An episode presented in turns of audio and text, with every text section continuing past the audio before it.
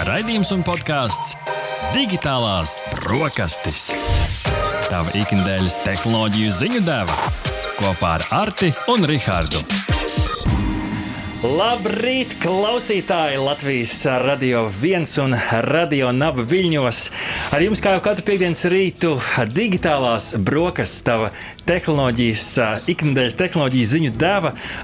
Parunāsim par dažādām interesantām lietām, kā jau katru piekdienas rītu aktualitātes, gadgeti, tendences, sociālai tīkli, zinātnes sasniegumi, nedaudz par kosmosu arī parunāsim. Vienkārši arī amizantas lietas digitālajā pasaulē. Tās ir digitālās brokastis ar jums kopā. Digitālo brokastu pavārs Artis un mans tehnoloģiju gardēdis Rihards. Labrīt, klausītāji! Latvijas Rādio 1 un Rādio Naba tiešraidē.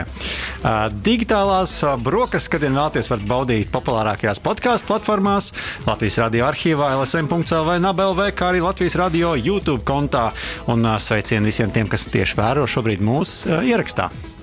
Jā, šodien raidījums kārtējā reizē piepildīts. Esam parūpējušies, lai apmierinātu jūsu digitālo apetīti ar veseliem trīs ēdieniem. Pirmais, protams, subjektīvi objektīvais tehnoloģiju ziņu top 10, nu vairāk jau top 5 ar piecinieku astīti beigās, jo mums ir jātaupa laiks, jātaupa laiks, lai parunātu šodien par to, kāda ir kosmosa iekarošanas plāni. Un mums ir ideālais cilvēks šai sarunai. Tas ir viens cits kā RTU zinātnieks Kaspars Kalniņš, ar ko mēs parunāsim jau pēc kāda laiciņa. Uh, un pēc tam mums ir arī saldējs ēdiens, Rihard. Uh, mums ir uh, startupa jauns produkts, patiesībā pat prototyps, kas ir Backbrow stājas korekcijas treneris. Jauns, interesants produkts, vēl nekur nepieejams, bet mēs jau patestējām un sniegsim savu pirmo atgriezenisko saiti par šo produktu. Taču, Rihard, beidzam tērēt laiku un lecam iekšā.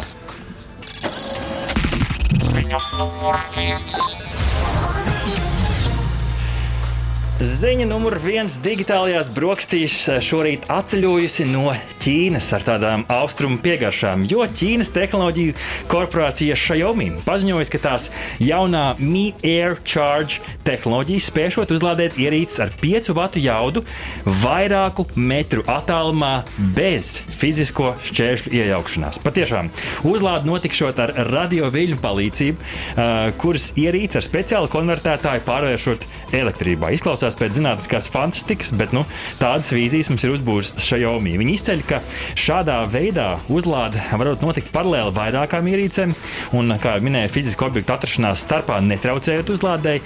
Xiaomi vadība gan informē, ka šī tehnoloģija, šis te koncepts šobrīd vēl nav un nebūs arī pieejams nu, pārdošanā šajā gadā. Rihard, vai šī ir kaut kāda utopiska, zinātniskā fantastika, vai arī kādu dienu ar mani plūdīs radio viļņi, lai uzlādētu manu mobilo tālruni, kas man stāv rokās.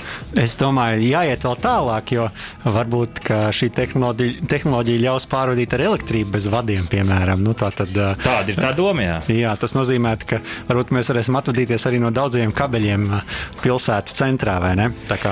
Nu, tu, jau, tu jau paši ir vēl nākamo lapas pusi, jā, ka šis ir nevis tikai tuvu rādījusi, bet tas jau ir kaut kas, kaut kas tāls. Katrā ziņā interesanti. Jāpiebilst gan, ka skeptiķi no portāla tekstpot.com, kas par šo ziņo, viņi šo paši vērtē kā mārketinga triku, jo viņi ir paskatījušies no inženierijas skatu punkta, ka priekš tā būtu nepieciešama vairāk nekā 1000 vatu jauda šajā te, nu, elektrības avotā, kurš izstarot šo, lai nodrošinātu šo 5 vatu uzlādi. 1000 versus 5. Uh, pie tam aizdomīgi izklausoties arī piebildi par fizisko priekšmetu šo netraucēšanu. Un, nu, protams, par šādām tehnoloģijām domājot, nākamais jautājums ir, kur to pielietot un kas un cik daudz par to maksās. Par šo jau tad varēs saprast tikai tajā brīdī, kad šī tehnoloģija parādīsies un ja parādīsies tirgū. Bet man šķiet, ka šis ir ziņas numur viens cienīgs temats, jo nu, kaut ko tik futuristisku es vēl nebiju iedomājies, ka kaut kas kas tāds notiks šajā gadā. Jā, tieši tā. Un, nu, droši vien, kamēr neredzēsim, tikmēr nevarēsim pateikt, ka tas tiešām strādā. Bet nu, gaidīsim, redzēsim, ko Xiaomi mums piedāvās. Noslēdzošais jautājums tev, Rihard, šajā daļā ir, kas ir ierīce, kurai tu gribētu pirmai izraut vadu, lai lādētu šo tehnoloģiju? Pilnīgi jebkas tavā mājoklī. Es domāju, ka tā varētu būt kāda nopietna liela skanda mm -hmm. lai var nesāt apkārt pa māju un uh, klausīties, uh, klausīties mūziku. Bet nevis tā maziņā, ja kur ir tā baterija iekšā, bet tāda pamatīga, tāda skanda. Nu, es laikam izrautu vadu savam putekļu sūcējumam. Man vienkārši nu, vienmēr kaitina, ka tu sūti un tas vats kaut kur jāceļ.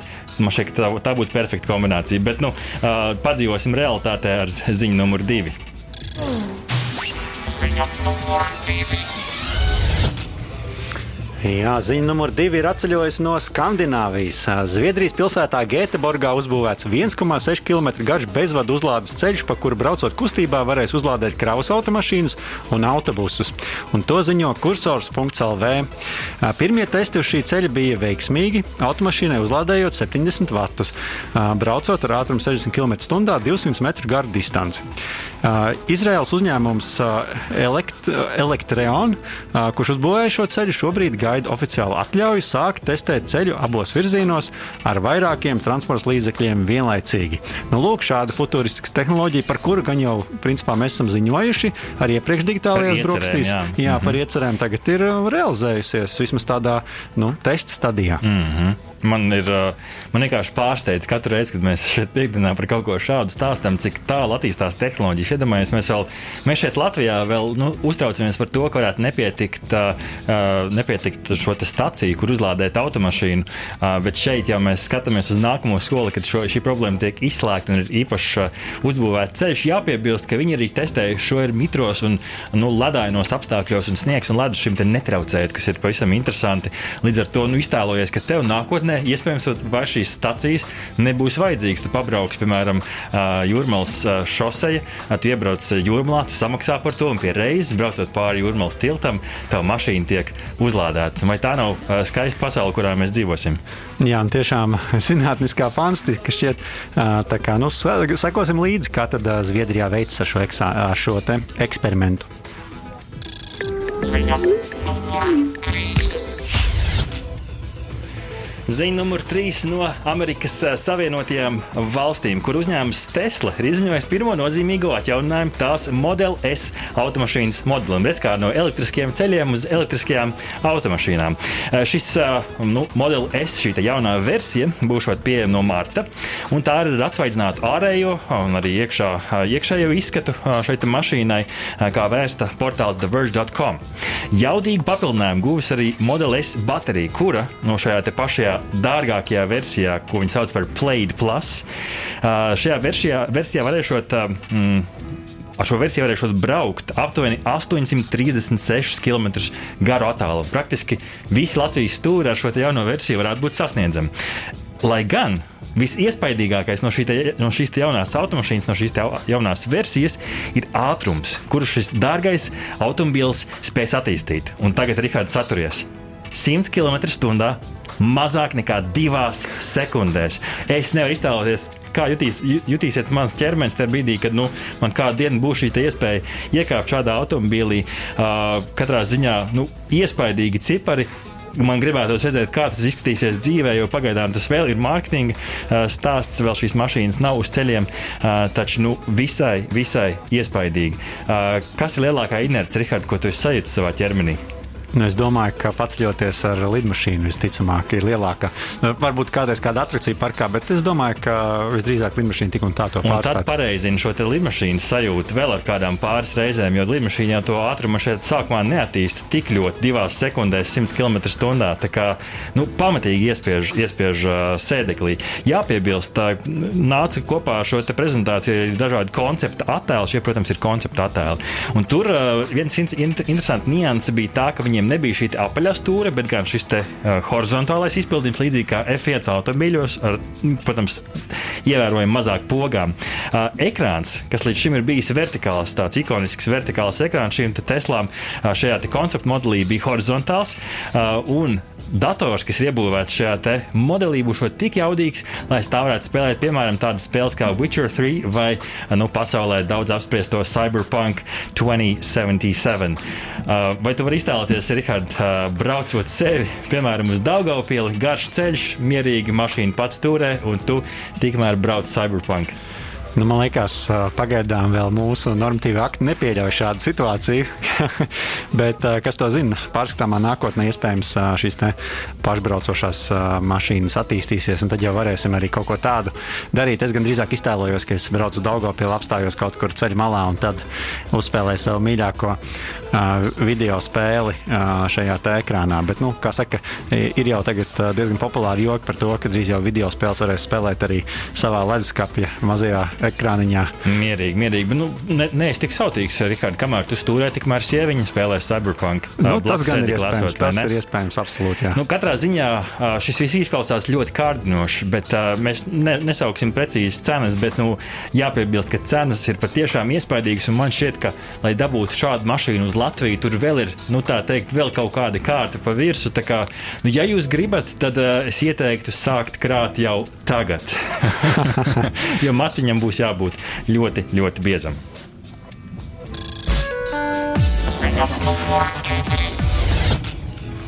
Jā, klausītāji, mēs paliekam ASV un ziņa numur 4. Nekustamo īpašumu portālā Zillow parādījies sludinājums par pasaulē pirmo 3D printēto māju, kas atrodas Ņujorkā. Ir ņema, šis ir vērā ņemams sasniegums, jo šī 130 km liela ēka tika uzbūvēta uz vietas, nevis izdrukāta kādā rūpnīcā. Tā tika celta izmantojot autonomas, robotizētas konstrukcijas sistēmas. Tā ir 3D drukāšanas tehnoloģija, kas palīdz samazināt būvēšanas laiku un palielināt drošību, jo nepieciešama mazāka cilvēka iesaiste. Būvniecības uzņēmums SQ4D sola, ka ēka esot īpaši izturīga pateicoties cementam, kurš esot divreiz izturīgāks kā nozares standarta prasītais. Nu, tāda interesanta inovācija arī ASV. Es skatījos video, un tas tiešām izskatījās futūristiski, bet tajā pašā laikā tas tiešām ļoti atgādināja to, kā 3D printeris strādā. Parasti mēs esam pieraduši, ka tās ir, tā ir salīdzinoši maza konstrukcija tādā kastes ietvarā, nu, kas nav, nav varbūt lielāka par, par leduskapi, varbūt teiksim tā, bet nu, šajā gadījumā milzīga tāda sistēma, kas uzprintē māju. Ziņa numur 5. Un ar ziņu numuru 5 mēs nekur nedodamies, bet paliekam tālākajā krastā ASV, jo tur tehnoloģija uzņēmums Neuralink pēc tās līdzdibinātāja Elona Maska komentāriem Twitter sociālajā tīklā. Viņi šogad jau tiecoties uz testēšanu ar cilvēkiem, lai savienotu iespējams cilvēku smadzenes ar datoriem. Jā, jūs nepārklausījāties, viņi jau šogad grasās kādu čipot. Nu, vismaz ceru uz to, ja varas iestādes apstiprinās šo Elona Maska vīziju par šiem te testēšanas iespējām. Mērķis šai tehnoloģija ir savienot cilvēku prātu ar datoru, lai, piemēram, nu, dziedātu neiroloģiskas slimības un palīdzētu cilvēkiem kontrolēt ierīces ar domu spēku. Lai iespējot šo tehnoloģiju, ir jāveic speciāla čipa implementēšana smadzenēs. Uzņēmums līdz šim ir veicis veiksmīgus testus ar pētiķiem un cūkām. Pagājušajā gadā prezentējot, kā cūka brīvi pārvietojas uz skrejceliņa. Cūkas testā tā bija savienota ar vadiem, taču pētiķa testā šis te uh, Neuralink čips jau strādāja bezvada režīmā. Rihard, mans uh, jautājums tev, kā šis ir absolūts futūristiskais rīts, iztēlojies, tev šis te čips ir smadzenēs, kas ir ierīce, ko tu visvairāk gribētu kontrolēt? ar domu spēku, lai tas vairs nebūtu jādara ar pulti, ar roku vai jebkādā citā veidā. Nu, to rīt modinātāju nospiest to par desmit minūtēm. Bīstami. bīstami. nu, jā, tad varētu nogulēt darbu. bet bet nu, katrā ziņā šis tiešām ir futūristisks rīts un izklausās, ka mēs ziņojam par kaut ko, kas ir no tālas nākotnes, bet izrādās, ka jau šobrīd notiek, notiek pētījumi, nu, lai daudziem cilvēkiem iespējams ļoti palīdzētu. Un nu, droši vien varbūt arī, lai kaut kad nākotnē atvieglot mums ikdienu. Es atceros, ka vēl pirms diviem gadiem es, man liekas, mēs diskutējām vienā, vienā, vienā diskusijā šo, par šo jautājumu. Un man liekas, ka vairākums no mums teica, ka mēs tomēr negribētu šo čipu. Bet, nu, kas zina, varbūt tagad tās domas mainīsies. Nu, tas jau ir līdzīgs stāsts, laikam, kā ar vakcinēšanu. Nu, sākumā negrib, negrib, tad vairums to izdara, un tad, nu, kur, kur nu likties, ja jau tas viss ir droši. Uh, bet, nu, jā, katrā ziņā ļoti, ļoti interesanti. Uh, katrā gadījumā būs interesanti redzēt, uh, cik tālu šis aizies, un vai tas, ko mēs šorīt stāstām, ir kaut kāds sākums jaunai pasaulē, kurā mēs dzīvojam. Pirms mēs lecam iekšā muzikālajā pauzē, mēs ar Rihardu tagad iziesim cauri atlikušiem top 5 tādā virsrakstu līmenī, jo mēs katru reizi servējam top 10, bet mums mums pavisam drīz būs arī rīta viesis, kas pievienosies, lai mēs parunātu par kosmosu. Līdz ar to, Rihard, kas ir ziņa numur 6? Jā, ziņa numur 6 ir no Krievijas, jo bijušais Krievijas prezidents Dmitrijs Medvedevs ir paziņojis, ka Krievija vajadzības gadījumā tehniski ir gatava atslēgties no globālā tīmekļa. Ziņa numur 7 digitālajās brokastīs par Xbox. Diemžēl visi tie, kas cerēja ieraudzīt pārpildītus veikalus ar šīm konsolēm, tā diemžēl nebūs, jo tā pieejamība būs ierobežota vismaz līdz šī gada vidum. Ziņa numur 8. apvienotajā karalistē būvēs pasaulē mazāko lidostu autonomajiem lidaparātiem. Jeb droniem, vai ne? Jā. Ziņa numur 9. Sociālais tīkls Instagram izrādās, ka testē šobrīd vertikālu stories mehāniku. Iztēloties TikTok, šo sociālo platformu, kur ar īkšķu palīdzību tu velc tik šīs ziņas uz augšu, kaut ko līdzīgu testē arī Instagram. Un uh, visbeidzot, uh, ziņa numur desmit - tehnoloģija uzņēmums Amazon ir nomainījis savu vadītāju. Jeff Bezos aizstāja Indijas. Jasijas. Jasijas, Jasijas, uh, interesanti bija tulkot šo vārdu. Katrā ziņā uh, Jeffs Bezos vēl šobrīd ir prezidents un vadītājs šī organizācijā, bet nu, šajā gadā šī pārmaiņa notiks un būs interesanti redzēt, ko tas nozīmēs arī visam kopējam biznesam. Es ceru, ka, darbie draugi, tie, kas mūs skatās un tie, kas mūs klausās, jūs esat nu, teikt, piepildījuši savu vēdru līdz pusei, jo mums labākais vēl stāv priekšā. Tūlīt uzliksim kaut ko muzikālu un pēc tam jau sarunu par kosmosa iekarošanas plāniem šajā gadā. Palieciet kopā ar mums! Mmm! Ko liksim uz kārā zoba? Digitālo brokastu saldais ēdiens. Uh, jā, labrīt, klausītāji! Mēs atgriežamies digitālajās brokastīs, uh, un mums ir gaida saruna par kosmosu. Jā, 2020. gads ir bijis patiesi panākumiem bagāts kosmosa apgūšanā. Vesels trīs izpētes misijas ir devušās uz Marsu, un gandrīz katru nedēļu pagājušajā gadā bija kādi aizraujoši jaunumi par kosmosa kuģu vai tā nesošo raķešu izmēģinājumiem. Bet 2020. Eh, 21. gads solās būt tikpat aizraujošs, jo ir pamatots cerības uh, gan uz jaunu raķešu izmēģinājumiem, gan jaunu teleskopu palaišanu, gan arī uh, iespējams uh, veiksmi mēnesis, Marsa un citu kosmosā nosūt, nostūru izpētē. Un par šo visu sarunāsimies ar RTU pētnieku Kasparu Kalniņu. Sveiks, Kaspar! Sveiki! Prieks tā redzēt atpa atpakaļ digitālajās brokastīs, jo pagājušā gada beigās mums bija pavisam īsa, īsa saruna, kur mēs, nu, tā teikt, ceļojām kopā aizvadīto gadu, un mūsu solījumi ir piepildījušies. Prieks tā redzēt šajā rītā kopā ar mums digitālajās brokastīs. Un tad vēršam savu skatu tuvākā, tālākā nākotnē uz 2021. gadu kosmosa šajā izpētes industrijā. Kāds ir kopumā tavs vērtējums, cik tavuprāt, nu, veiksmīgi salīdzinot ar pagājušo gadu šis gads varētu būt? Varbūt tu jau vari mums uh, ieskicēt tos uh, lielākos notikumus kosmosa izpētē no tava skatu punkta. Mm. Uh, manā skatījumā vēl šogad noteikti nebūs tas krīzes gads kas ir pozitīvi. Kā vienkārši tā inerce, kas uzņemta ir industrijā, viņai vēl ir teikt, viss kapitāls iet uz priekšu. Uh, no manas skatu perspektīvas, noteikti ir tas, ka Ariane 6, kas ir Eiropas nesēja raķete, viņai būs jau tas solis, uh, solis lielais solis tuvāk, lai viņi tiešām varētu 22. gadā lidot augšā, vai 23. gadā, vai 24. gadā. Bet šis ir kritiskais solis, ka mēs visu iziet cauri certifikācijai, lai, lai certifikāciju šogad pabeigtu. Es uzreiz iestrādāšu, lai, iestrādāšu, lai cilvēki saprotu, vai tas nozīmē, ka uh, no Eiropas uh, tiks palaista raķete nevis no, no ierastiem ASV vai, vai citiem nostūriem. Nē, tas nozīmē, ka mums būs jauna raķete Eiropai un pārlaidīs viņu no Franču, Franču Gvinējas, kas ir vienkārši tuvu ekvatoram. Mm -hmm. Vienkārši Eiropai teritorija pie ekvatora ir ļoti nosacīta. Līdz ar to tā Franču Gvinēja ir Eiropas teritorija pie ekvatora, jo Āfriku mēs neesam atņēmuši un, un, un Tad Dienvidamerika arī mums tikai daļai pieder. Tad Franču Gvinēja ir tas vienīgā mazā, mazā teritorija, no kurienes mēs laižam. Jā, kā, kā tu vērtē varbūt uh, to James Webb Space teleskopu uh, teleskopu palaišanu? Jo nu, mums uh, tagad, uh, man liekas, bija trūka tāda jaudīga uh, teleskopa uh, tur augšā, ja tā var teikt. Un tad, uh, nu, kā tev šķiet, vai izdosies vispār startēt šo misiju un, un cik tas varētu būt uh, nozīmīgi kopumā? Es, uh, es 2011. gadā, kad stažējos kosmosa aģentūrā, Eiropas kosmosa aģentūrā, man bija kolēģi, kas tieši arī pie Džeimsa Veda kaut ko strādāja. Viņi bija drusku, es teikšu, vārdu, noguruši, vai viņiem eh, iekšējā žargonā viņš nebija baigi foršā lieta. Un es šodien, eh, šodien uzmetu acis, un tur bija rakstīts, uh, Džeims Vebs šogad atzīmē savu 25. gadu, viņš joprojām nav palaists un nelido. Un, attiecīgi, uh, kā saka, viens otru varam apsveikt, ka vēl joprojām mums ir 25. gads, un mēs kaut ko mazliet liekam kopā, un tas mazliet, lido, mazliet solis ir. Uh, es teikšu, es būšu pozitīvs. Tā lietai beidzot ir jāšķil un jāiet. Kad ne tad, ja ne 25. gadā, okay?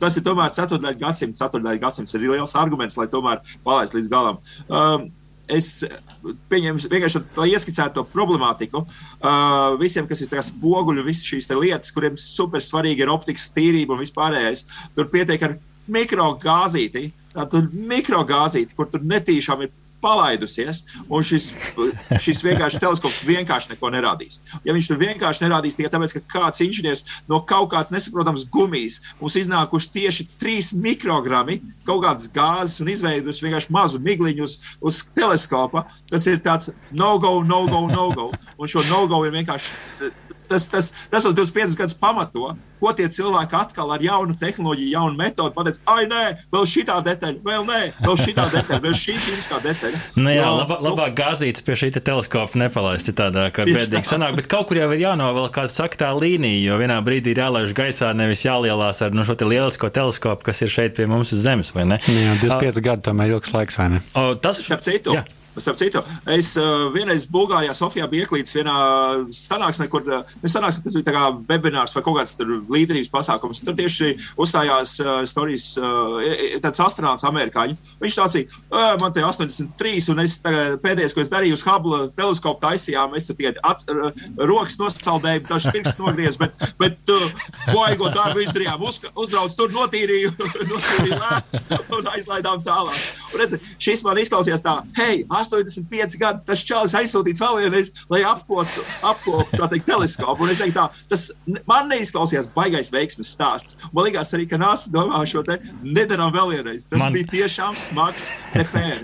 Man kas par izklausās, ka kādam skursteņas slauķim varētu būt nākotne pārkvalificējoties par uh, satelīta slauķi. Uh, bet ja mēs uh, paskatāmies uz šīm, te, nu, kas ir diezgan populāri izskanējušas uh, jau līdz šim mēdījos, šīs Marsa un Mēnesis misijas, varbūt tādiem vienkāršiem vārdiem, tā lai jebkurš saprot, to ir ieskicēt, kas ir tās galvenās misijas, kas uh, tiek vērstas nu, mēnesis un, un Marsa virzienā, un vai tavuprāt nu, izdosies pieturēties pie šī ļoti ambiciozā plāna? es domāju, tas, tās ambīcijas, skaistums šai ambīcijai ir ļoti vienkārši. Jo, jo vairāk, uh, es teikšu, ambīcijas mērķis ir ļoti būtībā ļoti vienkārši. Mēs gribam pēc iespējas, pareizāk, vairāk kosmosa aģentūras grib ar vien vairāk parādīt arī aktivitāti, kas saistīts ar tādu skaistu kosmosa izpēti. Un vienkārši šis mēnesis, Mārsa misijas ir ļoti fokusēts uz to, ka sabiedrībai patīk iesaistīt studentus, skolniekus, studentus, visu kaut ko būvē, katrs tur kaut kādu komponentu, sensoru, vienalga, ko darās. Un tiešām cilvēkiem ir misijas apziņa, jo te 60. gados, kad aizsūtīja tomēr līdz, līdz, līdz mēnesim, bija tā, Kenijs pateica, pēc trijos gados uzcelsim augšā cilvēkus, izcelsim, atgriezīsim atpakaļ. Jū. Tad es biju konferencē, ka 2000. 5. un 6. gadā, un tur skaisti buši ierunāta runa. Teica, desmit gados mēs pacelsim augšu un ļoti droši atgriezīsim atpakaļ. Un tā ir pagājuši vēl 20, 30, un īstenībā mums pusgadsimts pagājis, mēs neko neesam sasnieguši. Nevis sasnieguši, mēs ļoti daudz ko esam sapratuši drošībā. Un sapratuši to, ka mēs to cilvēku nevaram vienkārši varbūt sanāks aizsūtīt, jo toreiz mums varbūt sanāca, bet mums bija nearly miss gandrīz visu laiku.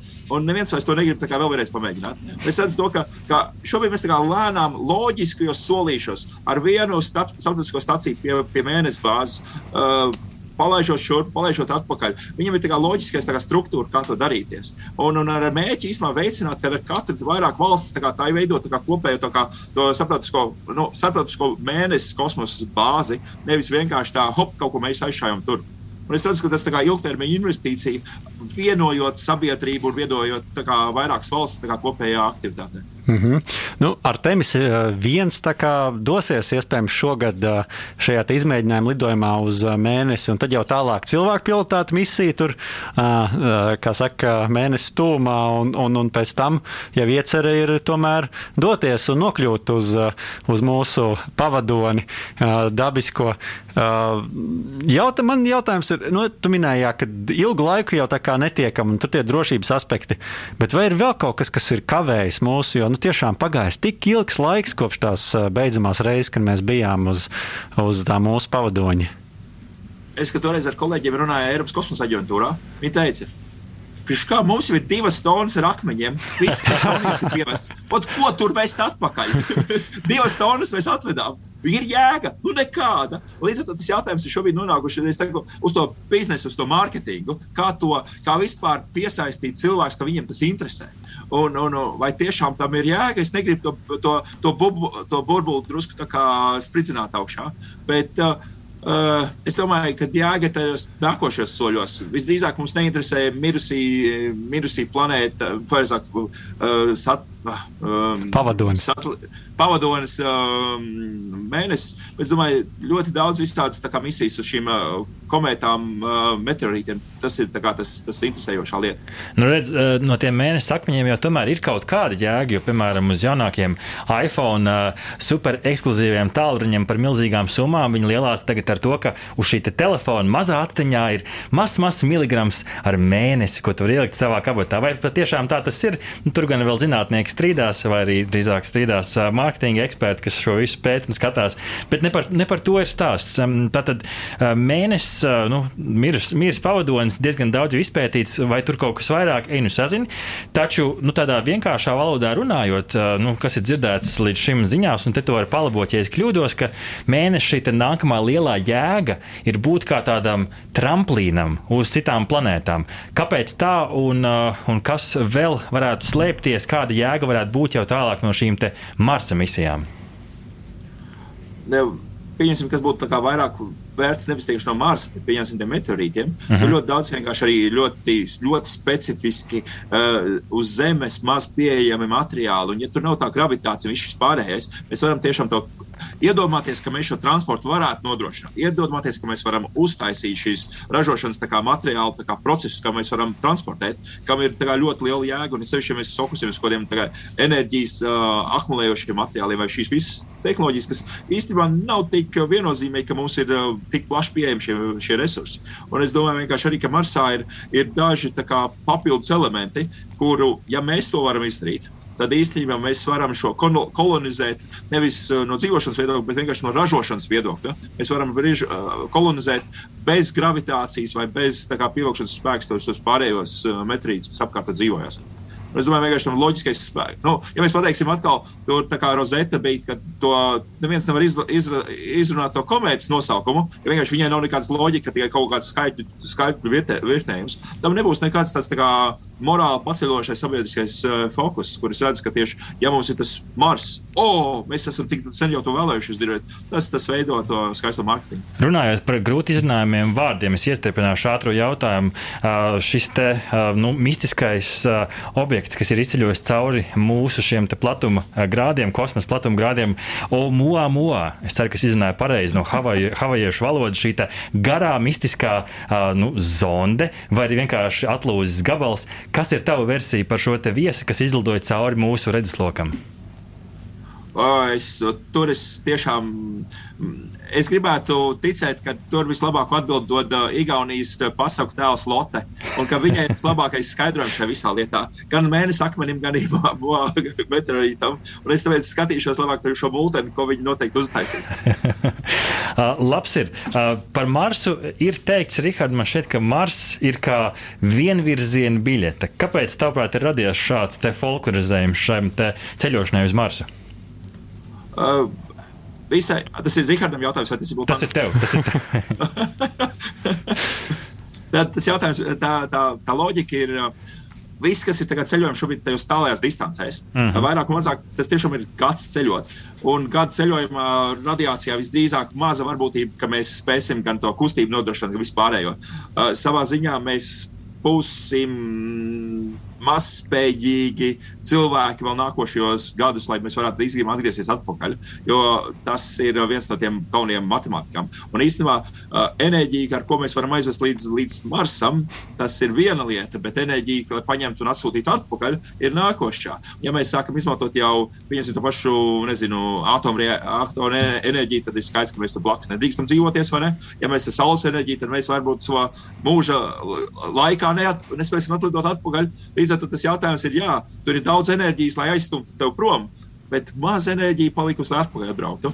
Un, un īsti nav arī tāds skaidrs risinājums, kā mēs varētu atpakaļ tikt. Līdz ar to visdrīzāk tuvākos vēl simts gadus tas būs vienvirzienīgi biļeti. Vai, vai kaut kāds risinājums varētu būt šī mākslīgā saule, par kur mēs arī digitālajās brokastīs stāstījām, par, pie kā strādā arī latviešu zinātnieki, vismaz nelielā, nelielā kapacitātē, vai šāds te, nu, mazās saules reaktors kaut kad nākotnē varētu būt iespējamais risinājums kaut kam, kaut kam šādam? Es domāju, ka alternatīvi enerģijas kā, avotu pētījumi un vispār sasniegumi būs noteikti pamatā, lai šis notiktos. Jo ir skaidrs, ka esošās enerģijas loģika mums neļaus to izdarīties. Mums jābūt pilnībā citai alternatīvai. Un šī cita alternatīva vai nāks no atpakaļ nākotnē, vai, vai zvaigžņu kariem, neatkarīgi no šīm filozofijām un skatījumiem. Kaut kur tajā virzienā jāmeklē. Vienkārši kosmiskais spēks, lai kā viņu uzņemtu. Jā, un katrā ziņā mūsu uh, skatītāji un klausītāji, kuri balso Instagram uh, lietotnē, uh, jautājot viņiem, vai līdz 30. gadam uh, cilvēks spērs savu kāju uz Marsa, vairākums Un es pat teiktu, ka nu, pat tāds diezgan liels vairākums saka, tomēr jā, ka līdz 30 gadam izdosies. Nu, ja tev būtu jābalso, teikt jā vai nē.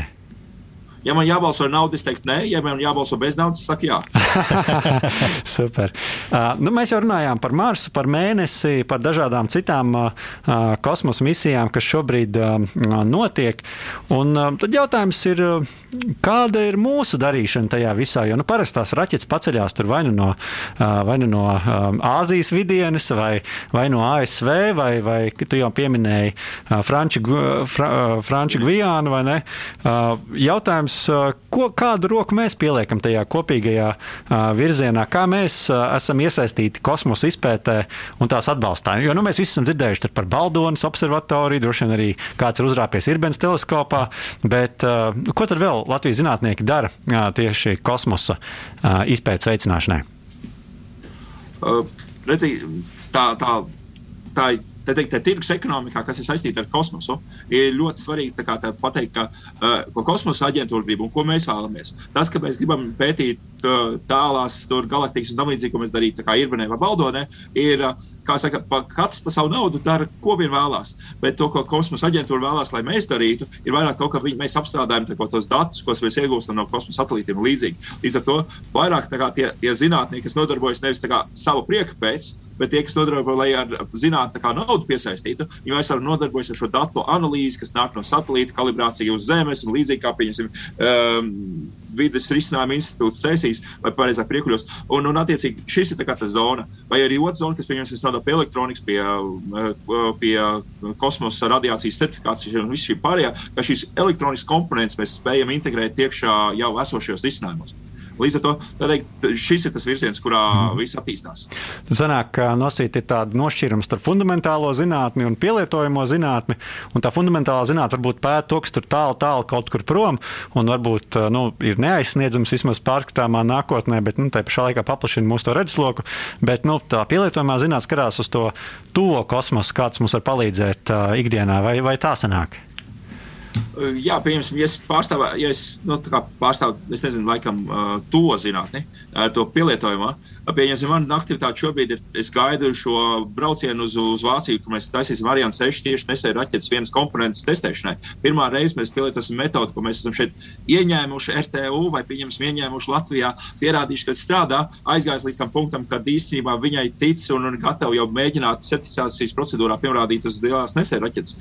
Attiecīgi, šo procesu izējot cauri, mēs redzam, ka tas ir tikai jau solis uz priekšu.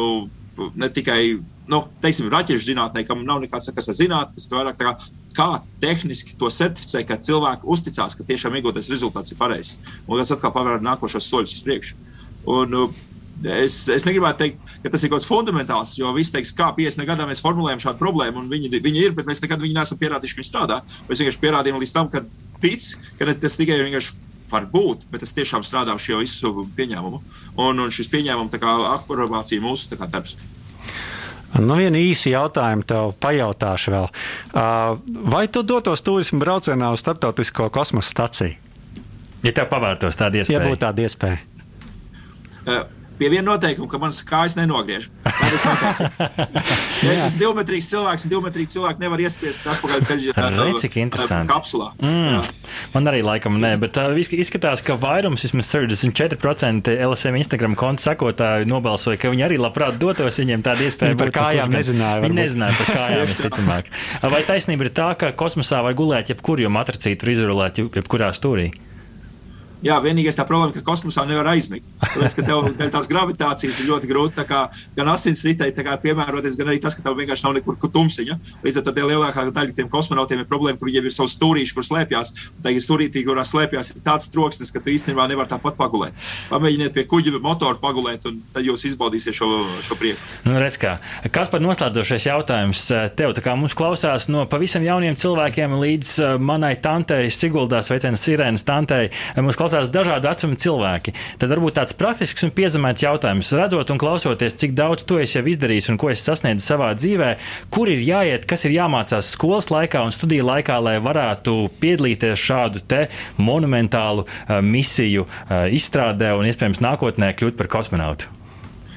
Es eh, līdzīgi, līdzīgos pateikšu, kad es eh, biju pārnācis tieši kosmosa aģentūrā. Man bija tieši saviem kolēģiem, tu man guru bija diskusija. Viņš, viņš teica, eh, veids, kā mēs atlasām priekš kosmosa aģentūras. Mēs iedodam cilvēkam trīs skrūves un pajautājam, ko viņš redz.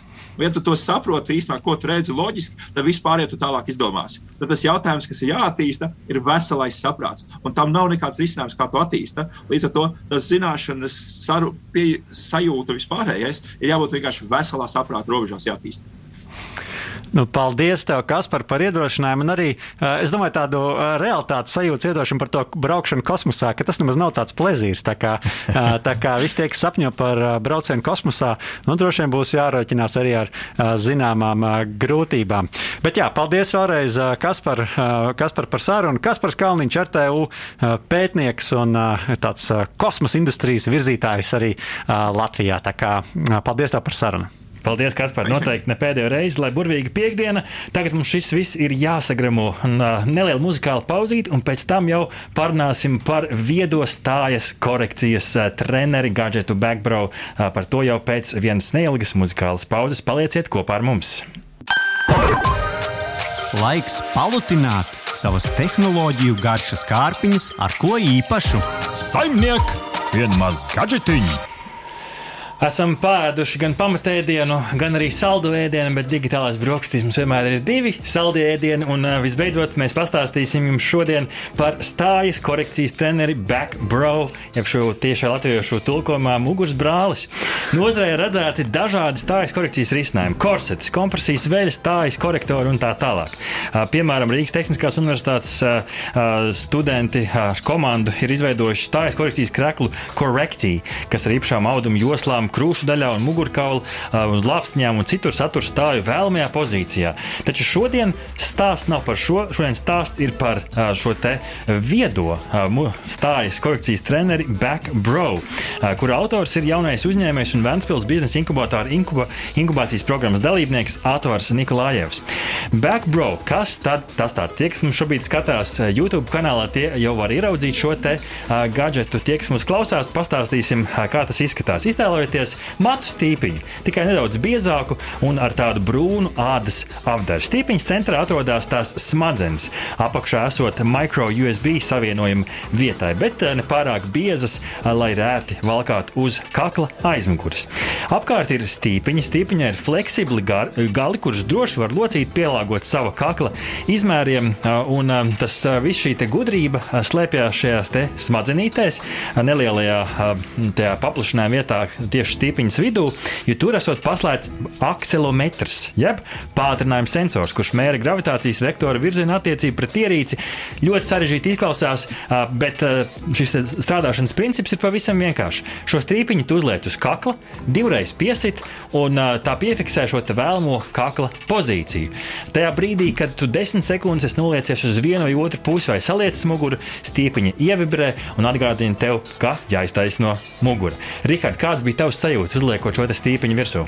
Jā, nu, stīpiņai nav nevainas. Kā saka, viss ir kārtībā un vērti lietojama. Bet, nu, var teikt, ka man ļoti bieži sanāca atgādināt par to, ka es atkal esmu saliecis muguru. Mm -hmm. Tad sanāca tā, ka principā viņi visu laiku vibrēja un atgādināja, ka man tomēr kaut kā ir jāiztaisnojas. Kā, nu, nevarēja saprast, vai es esmu vienmēr tiešām saliecies vai tomēr nē. Bet, bet katrā ziņā no tāda ērtuma viedokļa, man liekas, nekādu, nekādu bēdu. Nu, Rihard, man bail teikt, varbūt, ka tev vajadzēja vajadzīgs fizioterapeits, bet nu, ja nesazini. Runājot par uh, saskarsmi ar cilvēku, kas ir mūsu nākamā kategorija, stīpiņai nav nekāda ekrāna vai savienojuma ar telefonu, kas ir varbūt tāds mūsdienīgs veids, kā sadarboties ar ierīcēm, jo patiesībā tas darbības princips ļoti vienkāršs. Akselemetrs, kuram tu piesit, viņš piefiksē pozīciju un turpina to ievērot. Um, Par saskarsmi runājot, jā, šis dubultais sitiens tā vienreiz novibrē, un desmit sekundes ir tas nu, brīdis, kurā tu vari kaut kur noliekties, līdz tas sāk tev aizrādīt. Runājot par bateriju, kopumā no atvaru uzzinājām, ka baterija nu, paredzēta šī darbība viena līdz divas nedēļas. Protams, nu, ne jau to visu laiku, viņu visu, vi, valkā vairāk šo te ir nu, ieteicams valkāt, piemēram, kaut kur sēžot. Vismaz varbūt neieteicams, bet no manas pieredzes, tiklīdz tu kaut kur sāc kaut ko darīt, ej, piemēram, nezinu, nezinu, tur uz virtuvi pēc kafijas noliecies, lai mazgātu traukus, tā sāk vibrēt. Varbūt, ka jā, tur visu laiku tā, nu, tā teikt, taisnu stāju, bet nu, manā gadījumā man šķiet, ka man visērtāk bija tiešām lietot to pie galda. Jautājums ir, cik ilgi jālādē? Trīs stundas līdz pilnai uzlādē, un runājot par uzlādi, nu, pagaidām te, šis patiešām ir prototyps, kas ir jāuzsver. Šis nav gatavs produkts, šis ir prototyps, ar kuru uh, Backbro komanda ar mums padalījās. Uh, un prototipam līdzi nāk uh, šobrīd šāds te uh, vadiņš, uh, kuru var piesprāst ar šo mikro USB pie šīs ierīces, otrā galā USB savienojums un lādē kaut vai ar datoru vai ar, vai ar lādētāju. Tas atkarīgs no, no lietotāja paradumiem. Mēs, eh, nevar, nu, mēs varam, bet mēs smagi nekritizēsim šo, jo šis ir prototyps. Patiesībā ja nav kur smagi kritizēt. Drīzāk lietas, kuras iespējams var, var uzlabot, vismaz pēc manām sajūtām. Ko tu, Rihard, domā par vibrāciju? No vienas puses tāda atgādinoša, no otras puses man šķiet, ka nedaudz tāda elektrošoka cienīga. Jā, no es arī gribētu teikt, ka tāda nedaudz uzmācīga, varētu teikt, īpaši ņemot vērā, ka, bieži ka tieši tā, ka viņi salīdzinoši bieži manā gadījumā darbojās, jo tev tiešām ir jāsēž ļoti taisni, visu laiku nekastoties, lai viņš nenonāktu novibrētu. Protams, labs atgādinājums, bet nu, tā vibrācija tāda katru reizi gan ir salicies. Jo, nu, kā saka, tāda sajūta, it kā varbūt kaut kāds atgādinājums vai ziņa atnākusi. Kā to vērtē no otras puses, varbūt tam ir jāliek par sevi pamanīt, lai tu tiešām iztaisnotu. Jā, interesanti. Nu, es neesmu lietojis šo, teiksim, trīs mēnešu garumā. Varbūt pēc trim mēnešiem būtu jau tās tiešām nosacījuma refleks, un es, kā saka, strādāt ar kārtīgi taisnu muguru. Bet, nu, to īso laiku, uh, nu jā, bet no otras puses, protams, uh, nu, kā saka, nevarēja nepamanīt. Vai ne? Runājot par šo te, uh, stīpiņu, tā šobrīd nav izslēgšanas poga, kas ir interesanti. Stīpiņu nosīt izslēdz, ieliek uh, gulēšanas režīmā, to apgriežot otrādi uz galda. Tas, ko es pamanīju, ka transportējot to, tā bieži vien ievibrējās, jo viņai šķiet, ka tu šobrīd esi to jau uzlicis uz kakla virsmu. Līdz ar to varbūt kaut kādā nākamajā versijā kaut kāda poga nāktu par labu. Varbūt tas, uh, tas nemaz nav vajadzīgs, un varbūt tam ir kaut kāds arī skaidrojums. Uh, runājot um, par tās uh, izskatu, es teiktu, ka nu, nav gluži neredzama kautrīgākajiem varētu būt par pamanāmu. Nu, ir dažādi arī alternatīvi, protams, tirgu pieejami. Nezinu, ārzemēs ir atrodams Google produkts Avatar Posture Corrector Trainer, kas ir apvienojums starp sensoru un jostām, kas ir tāda josta, kas jāvelk virsū. Protams, mēs visi esam redzējuši šīs lētos risinājumus, kur vienkārši ir josta, kas ar spēku atvelk tavus plecus atpakaļ. Gadgets, kas iespējams ir tuvākais šim, ko esmu redzējis, par ko esmu lasījis, ir Upright Go, kas ir pielīmējums pie muguras. Nu, toties šī stīpiņa nekur nav jālīmē, to vienkārši uzliek. Līdz ar to nu, kaut kāds iespējams labais vidusceļš starp visiem šiem risinājumiem. Parunāsim par lietojamības plusiem. Abrīnojami, Rihard, bet man, šiet, man tiešām šķiet, ka šis strādā. Tādā ziņā, ka tu uzliec, viņi tiešām piefiksē un atgādina tev, ka tu esi saliecies. Man katrā gadījumā vienā brīdī šī stīpiņa vispār nevibrēja. Es vienkārši sēdēju taisni savā biroja krēslā un strādāju. Ādas apdara patīkami, nebēr ādu. Izskatās, manuprāt, kopumā eleganti. Šis rada kaut kādu tādu nu, tiešām tādu tādu dārgā oficiāla sajūtu, ko tu valkā sev virsū. Un, tas, kas ir, ir interesanti, tad šis te, nu, tādā tiešā veidā tev nespiež šos plecus atpakaļ. Tas atgādina tev, un kas man, man šeit ir, ir patīkami, jo visu laiku sēdēt nu, tādā stīvā pozā, tas vienā brīdī arī varētu būt uh, apgrūtinoši. Varbūt tev ir kaut kas piebilstams. Jā, es tikai gribu teikt, ka pozitīvi tas, ka tā ir tava paša izvēle. Nu, nav tā, ka tev velk atpakaļ mehāniski tos plecus. Tā ir tava izvēle vienkārši lai pārtrauktu vibrāciju. Tu iztaisno, iztaisno plecus un uh, attiecīgi, attiecīgi nu, iegūsti, iegūsti tādu pieredzi un, un tādu pieredumu sēdēt ar taisnu muguru. Rezumē, viens no inteliģentākajiem stājas korekcijas treneriem, kāds šobrīd ir pieejams, noteikti Latvijā redzēts, ja neskaita iepriekš varbūt pieminētos, kas varētu konkurēt ar to, tas izceļas ar savu vienkāršo lietošanu un efektīvo darbību. Man šķiet, ka cilvēki, kuri grib piestrādāt pie savas stājas, arī beidzot slotai atdot tās kātu un biksēm atdot tās gumiju. Redzēsim, gan kāda būs cena šim gadgetam, kad provizoriski tas parādīsies tirgu šī gada maijā. Katrā gadījumā veiksmi izdošanos, lai Latvijai vairāk tehnoloģiju startupi. Nu, šāds interesants risinājums, Arnold, es skatos tavā virzienā. Novērtēsim gadgetus līdzīgi kā iepriekš. Kāds ir tavs vērtējums? Īkšķis uz augšu, īkšķis pa vidu, īkšķis uz leju. Arnolds rāda, ka vairāk uz augšu. Rihard, kā tu vērtē? À, nu es saku, tas vēl ir prototyps. Uh, vairāk īkšķis uz augšu, tieši tāpēc, ka tas vēl ir prototyps. Jā, tas ir kaut kāds 75%. Jā, jā. Es Es laikam rādīšu īkšķus uz augšu. Rezultāts ir gandrīz īkšķis uz augšu. Mēs esam šajā neoficiālajā vērtējumā. Jā, patiešām. Um, Interesants gadgets. Redzēsim, ka tas iznāks tirgū. Paldies, Backbro, par drosmi un iespēju šo te izmēģināt. Rihard, kas mūs sagaida nākamajā raidījumā? Jā, nākamajā raidījumā jau pēc nedēļas, kā ierasts, ieskatīsimies ziņu top 10. Un, uh, un nākamajā nedēļā mums ir arī viesi un runāsim par mobilo sakaru tehnoloģijām, to izaicinā, izaicinājumiem un radītajām iespējām. Jā, šobrīd vēl precizējam, kas būs mūsu viesi, bet uh, iespējams, ka no atpazīstamiem lieliem uzņēmumiem Latvijā uh, šobrīd to vēl precizējam. Katrā gadījumā būs, būs interesanti. Neaizmirstiet, draugi, arī piesakot LSM Instagram kontā, kur mēs katru nedēļu uzdodam kādu jautājumu vai nu saistībā ar ziņām, kas ir izskanējušas, vai arī saistībā ar viesiem, kas būs. Tā kā, ja gribat iesaistīties, iesaistīties, ja sekojiet Instagram LSM kontam. Paldies, ka ielojāties kopā ar mums. Mūzikas redaktors Girds Bišs, pie režijas pults Arnolds Auziņš, raidījumu veidoja radionāba autori Arts Ozoliņš un Rihards Blese speciāli Latvijas Radio 1. Arhuvā! Tu klausījies digitālās brokastis. Katru piekdienu no 10 līdz 11 arī podkāstu formātā, populārākajās platformās. Digitālās brokastis. Tava ikdienas tehnoloģiju ziņu deva.